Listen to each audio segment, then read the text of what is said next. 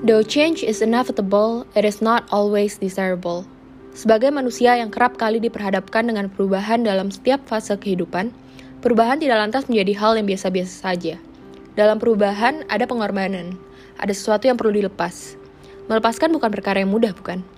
Tanpa disadari, ini juga yang dirasakan oleh kebanyakan konsumen ketika dihadapkan dengan inovasi. Inovasi memaksa mereka untuk beradaptasi, dan di sisi lain, inovasi juga datang dengan janji. Namun yang namanya janji tidak ada yang pasti. Ini menjadi salah satu ketakutan para konsumen. Di saat pengorbanan yang dilakukan sifatnya pasti, hal-hal yang dijanjikan dengan datangnya inovasi masih belum benar-benar teruji.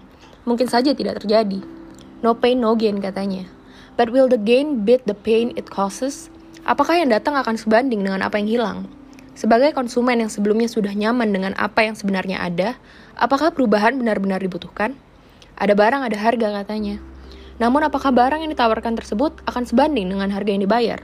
Oh tentu, sifatnya tidak hanya material, namun juga waktu, kebiasaan, dan perasaan nyaman itu tadi.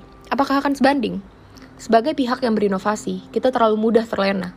Iya, terlena dengan inovasi yang dihasilkan oleh diri sendiri. Terlalu mudah merasa bahwa apa yang dihasilkan akan memuaskan banyak pihak. Sayangnya malahan kerap berakhir dalam kegagalan. Salah satu kegagalan terbesarnya adalah gagal menyadari bahwa setiap orang punya perhitungannya sendiri tentang perkara gain dan loss. Inovasi datang dengan perubahan. Dan lagi, permasalahannya bukan terletak pada seberapa hebat sebuah inovasi, namun seberapa rela seseorang untuk melakukan transformasi. Apakah penyedia inovasi sanggup meyakinkan bahwa apa pun yang datang nanti mampu menggantikan yang hilang?